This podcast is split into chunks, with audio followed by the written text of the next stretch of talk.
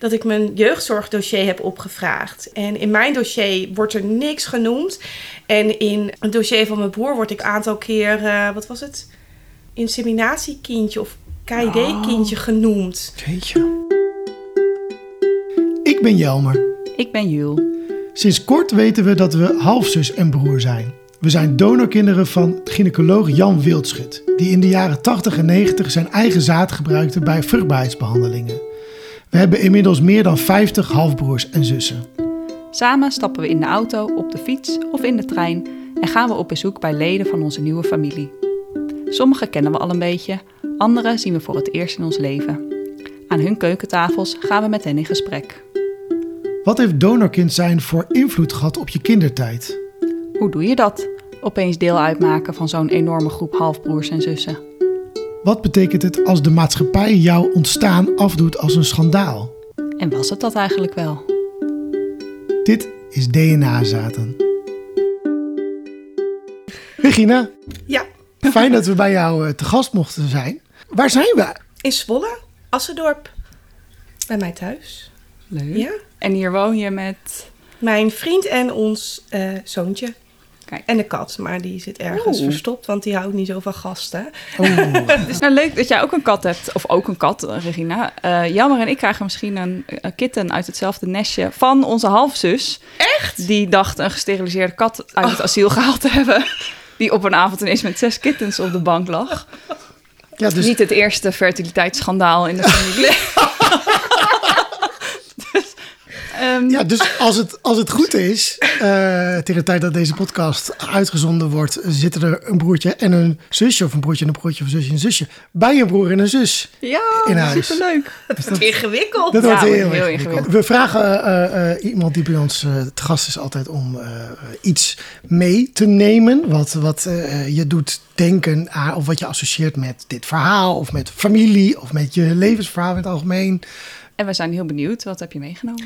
En Regina staat op en die loopt naar de, ja, de muur het is en mijn, die pakt iets op. Een, een lijst? Geboortekaartje. Oh, die van jou. Ik had hem net al zien staan en ik dacht, het Ja. is van jouw eigen zoon. Maar het is jouw geboortekaartje. Mijn geboortekaartje. En deze kreeg ik ja, laatst van mijn vader. Het was de laatste die er nog was. Dus voor mij is dit, dit is wie ik ben. Ja, ik heb niet zo heel veel met voorwerpen hoor. Want 9 van de 10 dingen in mijn huis is ook tweedehands. dus, maar aan sommige dingen zoals dit, ja, dan denk ik, ja, dat, daar hecht ik wel waarde aan. Ja, Ja, snap ik. En eh, kijk je misschien nu ook anders, anders, naar ja, dan klopt. voorheen? Ja, zeker ook omdat ik hem natuurlijk van mijn vader heb gekregen. En hier staat ook gewoon natuurlijk op dat hij mijn vader is. Mhm. Ehm, dus dat is voor mij wel een uniek iets. Dat ik denk van, het is heel ingewikkeld, maar eigenlijk ook niet. Want hè, ondanks alles is hij natuurlijk altijd wel gewoon mijn vader eh, geweest. Eh, Mhm. Mhm. Dus dat, dat symboliseert het eigenlijk ook wel een beetje voor mij. Ja. Ja. Mooi. Nou, ik ben meteen al helemaal benieuwd naar de rest van het verhaal in Ja. het begin. Ja. Zullen we daar naartoe eh overgaan, Regina? Waar Yes. begint jouw verhaal wat ons naar deze tafel uiteindelijk heeft toegeleid? Ehm, hoe ik het te weten ben gekomen. Of hoe ik Ja, of ja. heb je daarvoor ooit al zelf vermoedens gehad? Ja, nou ja, als kind al eigenlijk al wel. Al heel jong wel, vrij jong. Dat ik dacht van, nou, ik ben toch wel eh, anders dan iedereen in mijn gezin. Hm. Ik leek ook niet op iemand in mijn gezin eigenlijk. En ehm, ja, er werden ook altijd wel grapjes gemaakt van... oh ja, je bent zeker van de melkboer of eh, hè, ben je niet geadopteerd of zo. Ehm, en ik denk dat mensen niet beseffen dat als je dat tegen een kind zegt... dat dat niet iets- iets is wat ze de volgende dag weer vergeten... maar wat ze dan Ja. wat bij een kind blijft. Ja, Ehm, als kind en ook wel als tiener ehm, had ik altijd wel zoiets van ja, er klopt iets niet, maar kon niet. Wat klopte er niet, niet dan? Wat, waar merkte je dat aan? Nou ja, het was soms alsof niet alleen mijn ouders, maar ook hè, mijn broer en mijn zusje op een hele andere planeet leefden dan ik eigenlijk. Qua interesses, maar ook in ehm, hè, hoe we de wereld zien. En ehm, nou, het was als kind natuurlijk al vrij gek dat mijn ouders eigenlijk helemaal niet opgeleid zijn. En ik kreeg als eh, studieadvies gymnasium. Hm. Dus dat was al iets waarvan ik dacht, oh, dat is wel gek. Ja. Toen ik op de basisschool zat, konden mijn ouders het eigenlijk allemaal nog wel een beetje eh, behappen. Konden ze nog wel een beetje helpen met huiswerk. Maar zodra ik naar de middelbare school, ja, werd die kloof eigenlijk alleen maar groter. Want hoe ziet jouw gezin eruit waar je bent opgegroeid? Vader, Eh, moeder? vader, moeder, een broer, oudere broer en een ouder zusje. Mijn broer is drie jaar ouder en mijn zusje is eh, vijf jaar jonger. Oh ja. Ja. En, hoe, en hoe zou je jullie gezin schetsen als je dat in een paar zinnen zou doen? Gebroken. Mm. Ja. Ja. Ja, ik ben niet in een gezin wat ik nu zelf voor mijn eigen kind hoop dat hij altijd zal hebben. Dat, zo ben ik zelf niet opgegroeid. Nee, absoluut niet. Hm. Ik was denk ik mm, vijf toen mijn ouders gingen scheiden. En ze zijn daarna nog wel weer meerdere keren bij elkaar gekomen. Wat achteraf misschien ook niet zo gezond is voor een kind. Ehm, maar ik ben eigenlijk ook al vrij jong eh, uit huis geplaatst. Hm. Dus hè, vanaf vijf jaar heb ik eigenlijk af en aan eh, in de jeugdzorg gewoond totdat ik 18 was. Weet je. Ja. Ja, omdat je ouders de zorg niet konden dragen. Nee, nee, nee, En ik denk ook wel dat dat achteraf natuurlijk is als je zo'n grote kloof hebt met je kind. Dat je ook op een gegeven moment niet meer weet van ja, maar wat moet ik er dan mee? En mijn ouders hebben zo bewust voor me gekozen, maar het is ze uiteindelijk niet gelukt om ook. Ja, om het ook goed uit te voeren. Ja, precies. Ja, Dus ja, konden elkaar niet goed begrijpen. Nee, nee, Nee, nee. nog steeds niet hoor. Nee, dat is op een heel ander niveau dan, ehm, nou, dan wat ik met jullie of hè, misschien met vrienden of collega's heb. En hoe, want hoe is dat contact met jouw broer en zus? Zijn dat halfbroers? En, ja, Ja, dat zijn, ja, dat zijn, half- ja, ik, ik was er altijd van uitgegaan dat mijn zusje gewoon... Mijn ik wist altijd wel wel dat mijn eh, broer een halfbroer was. Omdat die uit een andere relatie met mijn Ah, moeder... Dus dat wist ik Ja. altijd al. En van mijn zusje dacht ik altijd... eh, nou, dat is mijn hele zusje. Maar achteraf, als je naar foto's kijkt... Hoe heb ik dat kunnen denken? Oh. Maar ik denk dat dat ook iets is... ehm, omdat je dan al die twijfel voelt... dan ga je juist heel erg focussen. Maar we lijken op elkaar. Ik lijk echt wel... Hè? Ja, ja. Dit heb ik van mijn Ja. vader echt wel, zeker weten. Kreeg je het van buitenaf wel eens te horen? Ik, Ja. kreeg- ja, want ik Ja. kreeg mijn broer en ik kregen ook heel vaak... Nou, nou zijn jullie broers? En wij altijd een beetje... Ja, Ja. ja. nou ja, nu achteraf denk je... Nee, dat was inderdaad dus niet Nee, zo. ja, bij mijn broer was het natuurlijk altijd al mijn halfbroer. Dus dat was al, daar werden altijd al wel grapjes over gemaakt. Maar het was vooral in relatie inderdaad tot mijn vader. Van ja, maar jij bent van de melkboer. Hè? Of eh, ben je geadopteerd? Of weet je het echt wel zeker? Wat natuurlijk ook weer gek is, hè? want het is nog steeds je halfbroer of je halfzus. Ja. En wij zijn allemaal halfbroers en dus en wij lijken dan toevallig wel op elkaar. Dus op de een of andere manier. Ja, nou ja, ik weet nog met een andere halfzus dat ik in het begin... ehm, sowieso dat we de foto's zagen, dat ik al dacht... Oh ja, dit, had, dit is mijn zus. Ja. En, eh, maar ook toen we gingen videobellen, dat ik dacht... Oh, dezelfde mimiek of zo. Dezelfde maniertjes. Dat ik dacht, oh, het is een beetje alsof ik naar mezelf kijk Ja? eigenlijk. Eh, ja. Oh, bijzonder. ja. Maar dan gaan we, we gaan eigenlijk al drie stappen te, Ja, te ver. Want veel te ver. eh, eh, we zijn eerst heel benieuwd... hoe is eh, uiteindelijk dit verhaal... dus het donorkind verhaal... balletje gaan in rollen. jouw leven... Hoe is, nou, precies, het balletje. Hoe is dat ja. gaan rollen? Nou, dat is eigenlijk wel een beetje gek, denk ik. Voor de meeste mensen ook. Hè, normaal heb je dan een gesprek met je ouders of zo. Hè, van, eh, nou, in mijn geval, wanneer was dat? Ik denk vorig jaar januari. Ja, dat ik ineens via eh, Facebook Messenger van iemand anoniem ehm, ja, berichtjes kreeg. Wat er precies in stond, weet ik natuurlijk niet meer. maar het was iemand die je niet kende. Iemand die, nou ja, dat weet ik achteraf niet. Want het was een profiel waar geen foto op stond. Oh, en een hele vage naam, zeg maar. En eh, ja, diegene stuurde mij berichtjes van... eh, ja, je ouders hebben een groot geheim, bla, bla, bla. Dus ik heb er eerst ook niet op gereageerd. Ik denk, dat, wat, is- Oh, wat eng. wat ja. gek. Oh. Ja, ja. En ehm, daarna kwam er... Ja, dan moet je maar eens vragen aan je ouders... ehm, eh, met betrekking tot donor. Ik denk, waar hebben ze het toch over? Hm? Oké, dus nou ja, het was het de zaterdagavond. En ik weet nog dat ik eh, eerst mijn moeder heb gebeld. En die zei, nee, nee, er is niks aan de hand hoor. Nee, je bent gewoon ons kind. Ik belde mijn vader op zaterdagavond. En ehm, ik vroeg dat gewoon op de man af. Ik zeg, ja, ik krijg deze berichtjes. Mhm. En ehm, mijn vader zegt, oh, oh, er staat iemand voor de deur. En die hangt zo op. Ik denk, oké. En hij belde inderdaad twee minuten later terug. Hij zegt, ja, het is wel waar. Dus ehm, zo is dat balletje gaan rollen eigenlijk. En wat dacht je toen?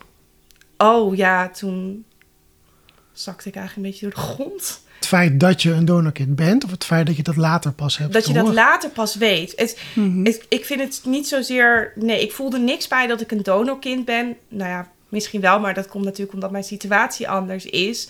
Op je 31, je hebt al een heel leven Mhm. achter je eigenlijk. En dan kom je er ineens achter dat 50% van wat je bent... is heel anders dan wat je Ja. je hele leven Ja. hebt gekend.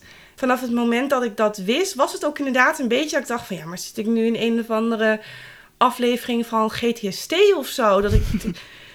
Ja, toen kwam daar dan twee maanden later inderdaad nog het hele wildschutverhaal bij. Toen dacht ik al helemaal van, ja, maar dit is iets wat je normaal leest op eh, nu.nl. Ja. Dan scroll je aan voorbij en nou, je zal het maar zijn. Ja, Ja. en dan ben je ineens die persoon in dat artikel. Eh, die Dus anonieme berichten die je kreeg. Je, hebt, die- je bent er nooit achter gekomen wie dat nee, is geweest? nee, nee. Is dat, ik ben zo benieuwd of dat na de nieuwsberichten over Jan Wildschut is geweest. Ja, januari 2021, zei jij. ja, Ja, in dat, is, dat is erna geweest. Ja, het is erna geweest, maar wij, wij legden zelf ook niet direct die link hoor. Ik kreeg op een gegeven moment, hè, want ehm, achteraf bleek mijn broer het dus altijd al te weten. En die had zoiets van, ja, Oh. maar het is niet aan mij om dat te vertellen. En dat snap ik ook wel. Die last zou Ja, ik zelf ja. ook niet eh, willen dragen. Hmm. En toen op een gegeven moment kwam ehm, zijn vrouw met inderdaad een berichtje over wildschut. Maar dat was echt pas een maand daarna of zo, of twee maanden. Dat was niet, die link werd niet direct gelegd. Nee, ik snap dat misschien bij jullie de link niet werd Nee. gelegd, maar dat die, die anonieme persoon misschien Ja. dat nieuwsbericht heeft gezien en heeft gedacht: hé, maar het is bij hun ook aan de hand, Ja. dus zij moet het misschien weten, Ja. eh, zodat ze erachteraan kan heb ik gaan. eigenlijk nog niet eens bij stilgestaan Dus je, zelf. je Ja, kunt mij ook voor ja. pri- privé detective zaken inhuren. Ja. is geen enkel probleem. eh. Hoe kwam je uiteindelijk erachter dat je aan wildschut verwant bent? Hoe is dat gaan rollen? Nou, wij zagen dus, ik kreeg inderdaad dat berichtje doorgestuurd, eh, dat nieuwsbericht. En dat was inderdaad wel van oktober, dat jaar ervoor. Ehm, en ehm, ja, toen hebben mijn ouders dat ook gevraagd. En die zeiden ook allebei van ja, dat was inderdaad onze arts. Hm. Nou ja, toch dat ik dacht van ja, maar eigenlijk ben ik al mijn hele leven een beetje op zoek naar een antwoord van hè, eh, al dan niet onbewust. Van hè, er klopt iets niet en ik wil weten waarom niet. En ik denk ja, maar nu kan ik een antwoord krijgen. Moet het dan toch weten? En je bent toch ook wel benieuwd van ja, zou ik dan met iemand op school hebben gezeten? Of achteraf inderdaad een... Met eh, mij. Ja, een collega ook nog. Ehm, hè, eh, maar ik denk toch het eerst, ja, laten we heel eerlijk zijn. Ik heb dat ook nog wel als er een nieuwe match komt. Dat je denkt van, het zal toch maar niet zijn dat je met Ja. iemand in de kroeg hebt staan tongen. Ja, Mag ja. je dan hopen dat het bij tongen is? eh. Ja, Gebleven. ja, ja, Ja. inderdaad. En was er een bepaald antwoord dat je hoopte te krijgen? Nou ja, ik hoopte een antwoord te krijgen. Niet, het, het- op dat moment had ik niet zoiets van, oh, ehm, ik wil liever geen nakomeling van wildschut zijn of wel niet, maar wel dat ik gewoon een antwoord wilde. Ja. Ja, Ja. ik zag er wel tegen op dat als er geen match zou zijn, dat ik dan mogelijk mijn hele leven lang geen antwoord zou Ja. krijgen. Ja. Ja. Mhm. Dat heb ik dat had ik toen ik, toen, ik, ben, wist dat ik donorkind was echt een heel aantal jaar voordat het hele, hele wildschutverhaal duidelijk werd. Dat vond ik ook altijd het moeilijkste. Toen dat dus helemaal niet duidelijk was en wij geen enkele match in Nee. film hadden, dat ik dacht, dit is een deur die eigenlijk gewoon geen deur is. Hij is gewoon, het is gewoon een stuk muur. Ik Ja. kan er niet doorheen. Daar is daarachter iets en ik weet niet wat het is. Ja. En Ja. dat vond ik toen wel heel machteloos Ja. En daar was ik dus ook bang voor. Ja. En weet je nog waar je was toen je hier. Ja. ik was thuis. Ja. Ik denk dat ik het nieuws dat ik een donorkind was, vond ik heftiger om te horen dan dat ik een match was met wildschut. Oké, ja. Ja, dat kon ik al vrij snel. ehm, toen ik hoorde dat ik een donorkind was, was ik echt heel erg overstuur. Dan was ik ook echt. Heb ik twee weken vakantie opgenomen van mijn werk eigenlijk Hmm. ook. Zo van ja, ik kan dit gewoon nu niet handelen. Nee. Was je ook zo overstuur omdat ging er ook door je heen hoe je leven anders had kunnen zijn als je had geweten dat je een, een do- donorkind was? Of is dit een heel suggestieve vraag? Nee, ik denk dat het niks aan ha- had veranderd. ehm, hoe ik ben opgevoed, of hoe ik misschien niet ben opgevoed. Hè, dat ik ben opgegroeid. Dat had in jeugdzorg, dat had dan zeg maar. Dat was waarschijnlijk niet veranderd. Maar ik denk wel, als ik het eerder had geweten, of, of ik het dan misschien makkelijker had gevonden om. ehm, ja, geen match te zijn met je gezin. Ja, dat er een verklaring Ja. voor is. Maar ik vind dat wel heel lastig. Want ik denk niet dat het mijn leven makkelijker had gemaakt, maar het omgaan met mijn leven misschien wel. ja, Ja. snap ik. En ik wist ook niet zo goed ehm, of het oké was om bepaalde dingen te voelen als donorkind. Want je hoort natuurlijk bij adoptie bijvoorbeeld heel vaak hè, dat je toch teleurstelling, maar ook een soort rouw. Ik denk, ja, maar mag ik dat dan ook Mhm. voelen? Dat vond ik, vond ik ook wel lastig. Ja. Ja, ja. Kwam eigenlijk meer bij kijken dan ja dat je... dan ik had van- gedacht. Ja, dan Ja, wat je had ik denk, gedacht. nou, nu heb ik een antwoord, dus het is oké. Maar eigenlijk was dat het niet, nee. Ik was Nee. dat pas het begin. Ja, dat was echt het begin. Ja. Ja. Heeft het lang geduurd eh, tussen dat jij gebeld werd door Fium en dat je contact zocht met een halfbroer of halfzus? Ja, nou ja, wat is lang? Maar drie weken ongeveer. Ja, Oh ja. ja. Dat is Vind langer dan lang. dat, dat drie, drie uur die je Jul ervoor nodig had. Dezelfde avond. Ja, maar ik denk dat jij er Oh, ook al langer mee bezig was, toch? Nee, het was voor mij gewoon lang niet zo traumatisch, omdat Nee. ik door twee moeders ben opgevoed. Ja. Dus ja, dat hele donorkind, dat was allemaal niet zoveel nieuws. nee, en precies. dit kwam erbij en toen dacht ik, nou, eh, ik ben hartstikke benieuwd. Ja, ik heb de keuze gemaakt om dit te willen weten. Ik Ja. wilde er ook wat mee nu. dus ik ging meteen eh, op zoek. En dat is eh, nu een jaar en drie maanden geleden. En dus drie weken later dat je contact opnam met Margreet. Daarna heb je volgens mij redelijk snel wel bij de groep gevoegd op Ja. Facebook en Ja. WhatsApp. Nou, ik vond het gewoon wel meteen een warm bad. Ja, ja, eigenlijk wel. Het voelde niet ongemakkelijk of zo. Ik kan, weet nog wel, de eerste keer dat ik jullie allemaal in het echt zag... dat we ook allemaal in een kringetje stonden, Mhm. anderhalf meter... dat ik dacht van, oh ja, dit is wel een beetje ongemakkelijk. Ja, dat was het, ja. Maar dat was denk ik ook gewoon de setting. Dat Ja. was gewoon natuurlijk die hele periode ook. Dat je, je moest afstand houden. Je mocht niet in een restaurant zitten. Dat Ja. soort dingen. En het was voor het eerst dat we eigenlijk met een grotere groep elkaar zagen. Wij zijn er alle drie, waren we daar. Dat, is- dat is, nee, nou, ik dacht misschien is dat op de dag af wel een jaar geleden. Maar het is denk ik net een jaar en een week geleden dat we voor het eerst Zoiets. in een grotere groep elkaar hebben gezien. Ja, dat Oh, was- wat bizar eigenlijk. Ja. Dat het pas een jaar geleden Ja, is. het voelt al als vorige week. Ja, nee. Oh. ik wou zeggen, het veel voelt jaar heel lang geleden. Omdat er zoveel is gebeurd en veranderd in het laatste maar ik kan me jaar. ook nog heel goed voor de geest halen hoe het was. Ja, dat wel. Eh, ja. eh, Voor Ja, mij voelt het dus veel langer.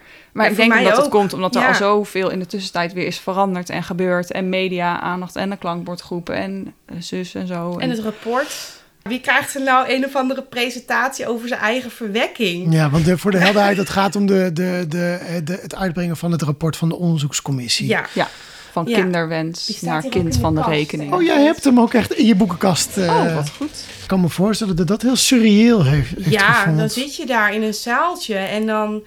Maar, maar en raakt het jou dan ook persoonlijk nog wat, wat de ontwikkelingen zijn rondom Jan Wildschut en dingen die er bekend worden? ehm, we hebben er natuurlijk weer, wel weer heel veel halfjes bij gekregen ook. En dat verandert voor mij persoonlijk niet. Maar er zijn natuurlijk wel in, in het laatste jaar nog heel veel andere casussen bijgekomen van andere artsen. Mhm. Ehm, het is natuurlijk wel heel onethisch om je eigen zaad te gebruiken bij behandelingen die je moet uitvoeren. Ehm, maar qua persoon heb ik niet het idee dat hij heel slecht was. Nee, Nee. nee. Maar als je dan van andere artsen hoort wat hun allemaal hebben gedaan, denk je ja. Zou dat dan toch niet allemaal een beetje één en hetzelfde zijn? Eén en hetzelfde slag mens wat dat Mhm. doet. Maar dat vind ik dan wel lastig. Ja. Eh, ja.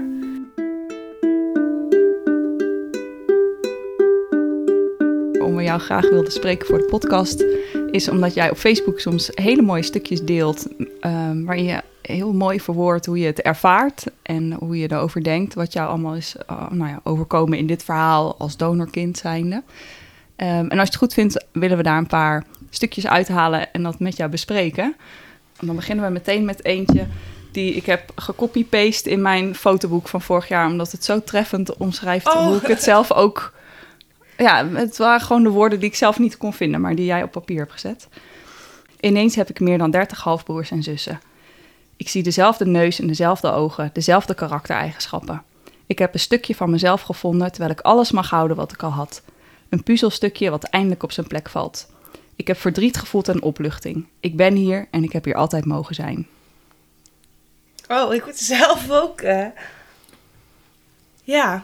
En ik voel dat nog steeds, ook na anderhalf jaar dat ik het weet, voel ik dat nog steeds zo. Dat ik, ik had al heel veel. Ik had mezelf en ik had alles wat ik ooit heb gedaan, heb bereikt. En ik krijg er ineens, nou, gewoon weer iets moois bij. Mhm. Ja. En het is inderdaad gewoon een puzzelstukje van ja, ik was altijd anders en nu weet ik waarom. En nu vind ik ook dat puzzelstukje ineens weer terug. Want soms weet je van, nou ja, er ontbreekt iets, maar wat? En dat heb ik dan allemaal bij jullie gevonden. Ja.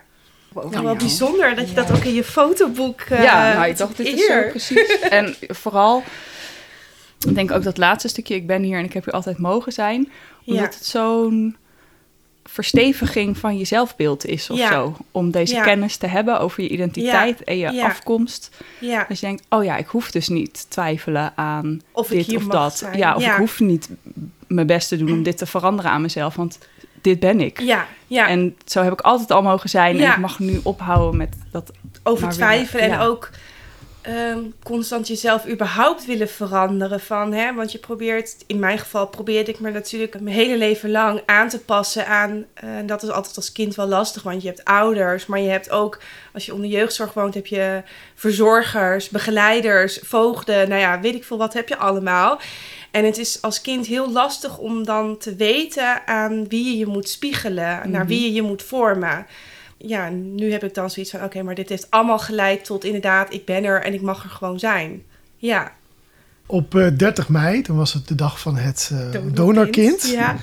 En toen schreef jij: Pas toen ik als donorkind uit de kast kwam, loste de mist op en werd het water weer rustig. Ik kon deze twee werelden ook verenigen. Tegelijkertijd kwam, kwam ook het besef dat er nog meer donorkinderen mogelijk met dezelfde gevoelens zouden kunnen worstelen. Ik wens met heel mijn hart elk donorkind de vrijheid om te mogen en kunnen ontdekken waar zij vandaan komen. Dit kan alleen als nog meer wensouders open zijn over de afkomst van hun kind. Ja, dat vind ik gewoon ook belangrijk. Is dat uh, wij hadden toevallig aanknopingspunten. Hè, Mhm. van uh, onze ouders zijn in een specifiek ziekenhuis behandeld en er is al naar buiten gekomen. Maar er zijn zoveel donorkinderen die dat niet hebben. Die, waarvan de ouders gewoon is gezegd: ja, je hebt een anoniem potje zaad gekregen. Um, en nu is dat natuurlijk inmiddels sinds 2004. Ja, Mhm. is dat wel veranderd. Maar nog steeds is het natuurlijk zo dat ouders naar uh, Scandinavië kunnen, naar Spanje. En ik vind dat eigenlijk gewoon niet meer mogen kunnen. Ik had dat al een tijdje geschreven, want het was volgens mij ook rondom Vaderdag, denk ik. Want dan ben je daar toch de eerste keer dat het Vaderdag Mhm. is, überhaupt meer mee bezig. Ja. En ik heb ook wel echt toestemming gevraagd aan mijn vader: van ja, maar vind je dan dit oké? Nou, hij vond het in het begin wel moeilijk. En hij zei van, nou ja, liever niet. En toen heb ik het gewoon nog een aantal keer, want ik had zoiets van, nou, als jij het niet wil, dan doe ik het ook niet. En toen heb ik het een paar weken later nog een keer gevraagd. Toen zei hij, ja, doe maar. Wat waren de reacties over het algemeen in je omgeving? Ja, nou, ik schrok er dus wel een beetje van, hè, dat bepaalde mensen het al wel. Ik kwam er later achter dat bijvoorbeeld, nou ja, iedereen in jeugdzorg het altijd al wist. Hè? Ja. Ach, ja. Ja, dat vind ik echt shocking. Ja. Want ik denk, ja, hun hadden de rol moeten opnemen van iemand die mij beschermt, mij Ja. stimuleert en weet ik veel wat. En zij hebben natuurlijk gewoon tot mijn achttiende gezien hoe erg ik worstelde met wie ik ben en hè, waarom ik niet pas bij die, eh, bij, binnen mijn gezin. En denk, ja, maar waarom heeft niemand mij dat ooit verteld? Ja. Want wij kwamen er dus achter, is dat ehm, ja, als een deel, onderdeel van verwerking, dat ik mijn jeugdzorgdossier heb opgevraagd. En eh, een aantal maanden later heeft mijn broer hetzelfde gedaan. En in mijn dossier wordt er niks genoemd. En in ehm, het dossier van mijn broer word ik zelfs een aantal keer, eh, wat was het? Inseminatiekindje of KID-kindje genoemd. Jeetje. Ja. Gek hè, dat dan gewoon heel veel mensen iets van jou weten wat je zelf... Nou ja, dat voelt gewoon. Een Ja, beetje als verraad. dat voelt als Ja. zeker verraad. Ja, vind ik wel. Daarin neem je jeugdzorg iets kwalijk. Neem je het je ouders zelf ook kwalijk dat ze het niet eerder hebben verteld? Nee, nee, denk het niet. Nee. Nee. En waar zit dat verschil in? Ik denk omdat mijn ouders ook niet, niet, niet beter wisten. En mijn ouders zijn natuurlijk ook ja, bij Wildschut de deur uitgegaan met het idee: ja, mag je kind dit nooit vertellen? Ja. En hun hebben dat ook 30 jaar ehm, met zich meegedragen. En jeugdzorg zijn buitenstaanders. En die hebben toch echt wel een bepaalde rol. Die, hebben, die Mhm. voelen die, als het goed is, niet diezelfde emotie als waar mijn ouders daarbij voelen. Ja. ja. Volgende stukje. Daarin schrijf je: Als iemand mij nu vraagt wat doet het met je, weet ik het eigenlijk nog steeds niet zo goed.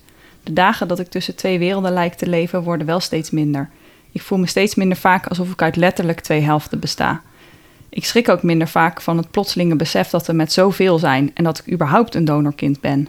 Went het? Nee, nooit, denk ik.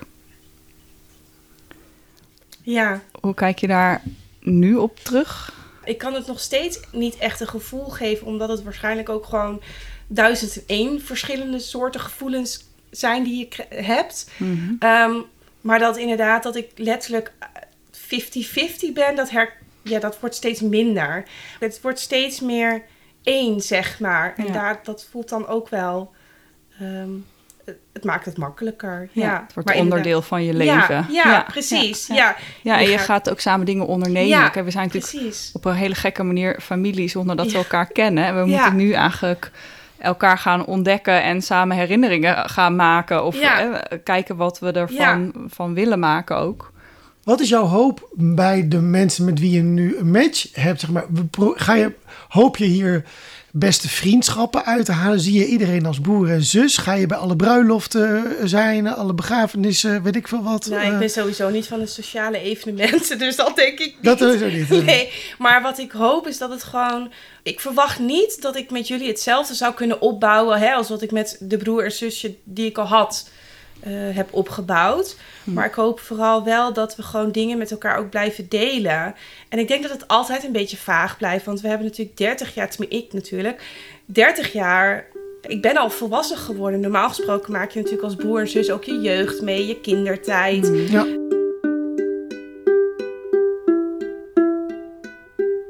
De sensatiekoppen die soms voorbij komen in de kranten of online eh, maken het ook niet makkelijker om ons los te koppelen van een schandaal en ons als mensen met een gezicht te zien. Maar dat zijn we wel.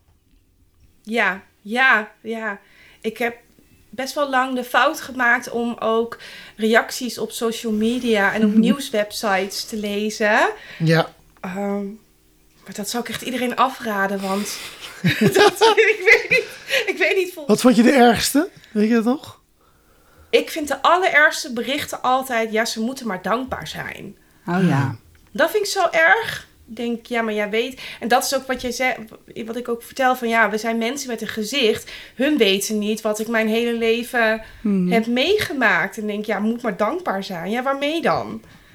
Ja. Dat ik er ben. Dat ja. ik er ben. Ja, Ja. daar heb ik zelf toch helemaal niks in. Nee. Nee, en toch vind ik ongeacht de reacties, vind ik ook altijd de koppen in de media niet altijd even respectvol. Nee. Ik heb bijvoorbeeld echt een hekel aan het woord spermadokter. Ja, dat schreef je Ja. een keertje toch op Facebook? Zei je heel subtiel. Ik ben zelf niet zo fan van het woord sperma. Dat was het, ja. Ja. ja, hoe noem je dat? Desensitized of zo voor woorden als zaad en sperma. En Mhm. ik denk, ja, wie heeft er ooit in zijn leven zo vaak gepraat over het zaad van, zijn, van haar, zijn of Nee. haar vader? Ja, sommigen helemaal nooit. Nee, dat is, ja.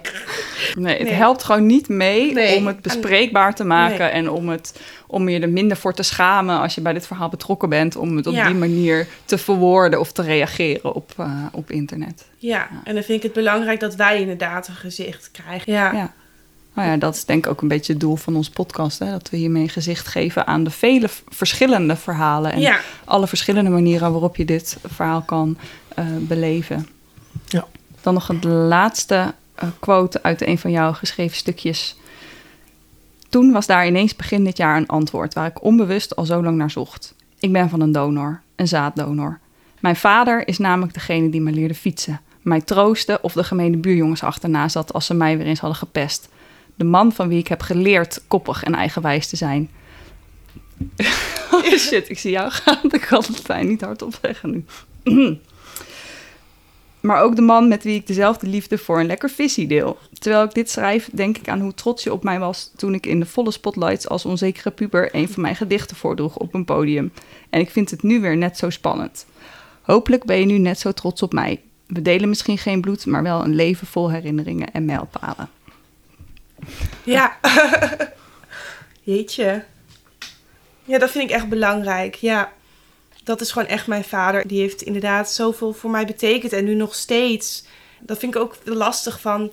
eh, Ook dat stukje met hè, recht hebben om te weten wie je donor is. Is dat ook weer heel veel mensen denken dat wij dan op zoek zijn naar een vader. Maar dat is het niet. Want 9 van de 10 mensen heeft een vader. Of het al dan niet hè, of ze daar nu nog wel of geen contact mee hebben. Je bent door iemand opgevoed. En voor Mhm. mij is dat mijn vader. Ja, En de donor is de donor. de donor. Voor jou. Ja. ja.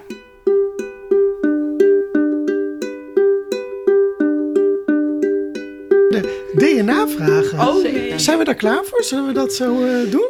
Ja. Want eh, het mooie is natuurlijk, eh, we hebben het net een beetje gehad over en wat zijn nou overeenkomsten tussen eh, verschillende mensen binnen de groep. Hè? En wat is nou nature? Wat is nurture? We hebben een eh, bingo-molen, een bingo-rad meegenomen. Eh, want Regina, je krijgt straks, je mag drie balletjes trekken uit het bingo-rad.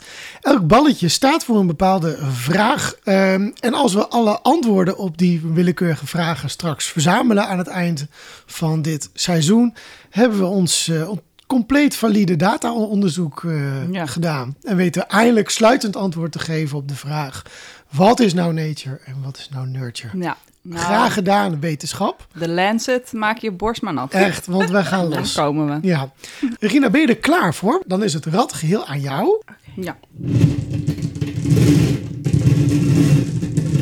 Oh, Oh, Ja. oh. we hebben een Nummer? balletje. 20. Oeh, mooi. Als er een boek zou zijn over jouw leven, wat zou de titel zijn? Oh, ja. Ik denk wel iets met veerkracht of zo. Met alles wat ik mee heb gemaakt. Ik ben hier nog. Ehm, en ik heb er nog wat van kunnen maken. Ehm, Kan dingen aan. ja, Ja. ja. Gaan we naar vraag Dan mag je de twee. tweede. Ja. Oeh, spannend, spannend. Nummertje 1. Vraag 1. Eh, dit is hoe kijk je naar kinderen? En daarmee bedoelen we, ehm, ja, hoe kijk je naar het krijgen van kinderen? Eh, en alle vragen die daaromheen spelen rondom vruchtbaarheid. Of, Mhm. Nou ja, ik vind het best wel shocking dat het krijgen van een kind op de, nou ja, de zaak is niet natuurlijke manier, manier echt een industrie is geworden. Dus hè, dat je, volgens mij is er een paar jaar geleden al een documentaire geweest over, nou ja, dat je gewoon een draagmoeder kan kopen Mhm. ergens in Azië. Die draagt jouw kind en het kind wordt opgestuurd. Hè. Volgens mij heette dat ook iets van de babyfabriek of zo. Ja, van, met Lisbeth eh Staats. Ja, ik vond dat zo shocking. Maar nu natuurlijk ook, hè, nu ik zelf ook een kijkje achter de schermen van donor en alles daaromheen, denk ik, ja, het is een beetje alsof je een kind inmiddels kan kopen. En daar wordt dan vaak ook niet bij stilgestaan wat dat voor een gevolgen heeft op het kind. Ik denk dat onze ouders misschien ook wel een beeld hadden van, hè, zo ver wil ik gaan. Maar dat die grens ook steeds verder opschuift. Want uiteindelijk wil je dan zo graag dat je dan denkt, ja, misschien kan ik toch nog een stapje verder. Mhm. Waarbij het belang van het kind Vergeet soms niet meer wordt altijd eh, Ja. voorop staat. Nee. De derde en laatste DNA-vraag. Kaas. Ja. 73. Wat is je lievelingskaas? Oude kaas. Yay! Oude Nederlandse kaas. Nee, ik heb wel heel veel dingen. Hè. Ik vind feta ook wel lekker. maar Ik vind eigenlijk alle kaas lekker. Ehm, maar gewoon zo'n blokje oude kaas. Oude Nederlandse kaas. Mm, ja. En eet je het eh, zo of Ja. eet je het met een dipje? Oh nee, dat ook wel eens. Ja. Ja. ik vind het met mosterd ook heel lekker. Ik kan ook overal mosterd bij eten. De nietsvermoedende luisteraar denkt dat hij nu een andere podcast is aan gaan, gaan luisteren. Je zit nog steeds in eh, DNA-zaten. Maar wat is, eh, eh, dit moeten we even uitleggen. Waarom worden jullie zo begeisterd nu het over kaas gaat? Waarom we de kaasvraag erin zitten? Eh, nou, ik heb dat laatst nog een keer nagezocht waar het allemaal ooit is begonnen. En het is begonnen ergens in het voorjaar van 2021, toen een van onze halfzussen eh, zwanger was en wat hadden over eh, zwangerschapscravings. En toen zei ze, nou, ik eet echt alles met kaas deze dagen. Waarop er een storm aan reacties kwam van, nou, maar ik ben niet zwanger, maar ik eet ook alles met kaas wat los en vast zit. Ehm, en zo is dat balletje eigenlijk steeds verder gaan rollen. En is het nu een enorme sneeuwbal. Dat, dat is zo'n beetje de eerste vraag die je krijgt als je in de appgroep komt. Is, wat is je lievelingskaas? Ja. En we hebben uiteindelijk ook ervoor gekozen om, eh, behalve de, de WhatsApp-groep waar eh, serieuze dingen in besproken moeten worden, dat we ook de, de kaasclub hebben. En dat is de, de WhatsApp-groep waar alle, nou, Ja, alle kaaskwesties, alle maar alle andere borrelpraat. En eh, kaas is nature. Ik, ik heb dat ooit gegoogeld. Ja? Ja, en ehm, er is schijnbaar... Oké, Ja. dit is een, een kaasgen? ja, Oh. want net zoals dat genetisch bepaald is of jij koriander Ja. naar zeep vindt smaken of niet, schijnt het ook zo te zijn dat het genetisch is bepaald of jij kaas wel of niet lekker vindt. Oh, wat interessant. Ik heb namelijk eens een keer gegoogeld. Gewoon op het percentage Nederlanders dat kaas lekker vindt. Omdat ik dacht, ja, zijn we nou heel uitzonderlijk? Ja, maar je hebt natuurlijk kaas of kaas. Want ik ken ook wel mensen die eten elke boterham, elke dag een boterham met kaas. Maar dat is maar dat, anders. is- dat is niet hetzelfde. Dat is niet hetzelfde. Dat is niet Nou, hetzelfde. daar, daar nee. kwam uit dat 98% van de Nederlanders houdt van kaas of vindt kaas lekker. Maar je hebt natuurlijk, ja, je hebt wel gelijk, je hebt kaas en kaas. Je hebt een plakje kaas op een boterham, maar je hebt het Ik ben wel een hele... beetje een kaassnop. Ik vond het een mooi gesprek. Eh, Ik ook. Ja. Ja, zeker. Dankjewel voor je openheid en je verhaal. Ja, spannend. Dit is de derde Ja. keer, denk ik. Derde, vierde keer. Ja. Dat wij elkaar zien of dat je überhaupt eh, mensen uit de groep ziet. Nee, überhaupt mensen. Ja. Ik weet niet of jij dat was of misschien een andere halfzus. Maar dat was bij de, bij de bijeenkomst van het onderzoeksrapport. Mhm. Ehm, als ik moe ben, en ook toen ik kind was, stotterde ik altijd heel erg. Ah. Dus toen waren we bij die bijeenkomst en toen zei mijn vriend... Oh, jij bent er echt één daarvan, hè? Ja, die herken ik Ja, zo. echt? Ja, We hebben toch nu een aantal Ja. stotteraars. Terwijl Ja. ik in mijn het familie nu helemaal als ik niet. moe ben of als ik iets moet voorlezen, zeg maar. Want er inderdaad niemand in mijn gezin. Of, eh, en het schijnt ook weer inderdaad een stukje genetisch bepaald te zijn of je stottert of niet. Ehm, Dit was DNA Zaten, een podcast van Jelmer en Jules, donorkinderen van gynaecoloog Jan Wildschut. Over dit verhaal schreef Jelmer de roman Kit, KID, die nu in de winkels ligt. Heb je behoefte aan meer informatie? Kijk dan op de websites van FIOM, Stichting Donorkind of het landelijk informatiepunt Donorconceptie. De linkjes vind je in de show notes en op dnazaten.nl. Wil je ons volgen? Kijk dan op Instagram, @dnazaten. Volgende aflevering, Mariska. Dus we hebben nog een beetje gekscherend gezegd van... eh, nou, wie weet is Jan ook onze... eh, Ja, Vader. is echt als een grapje nog voorbij gekomen. Ja.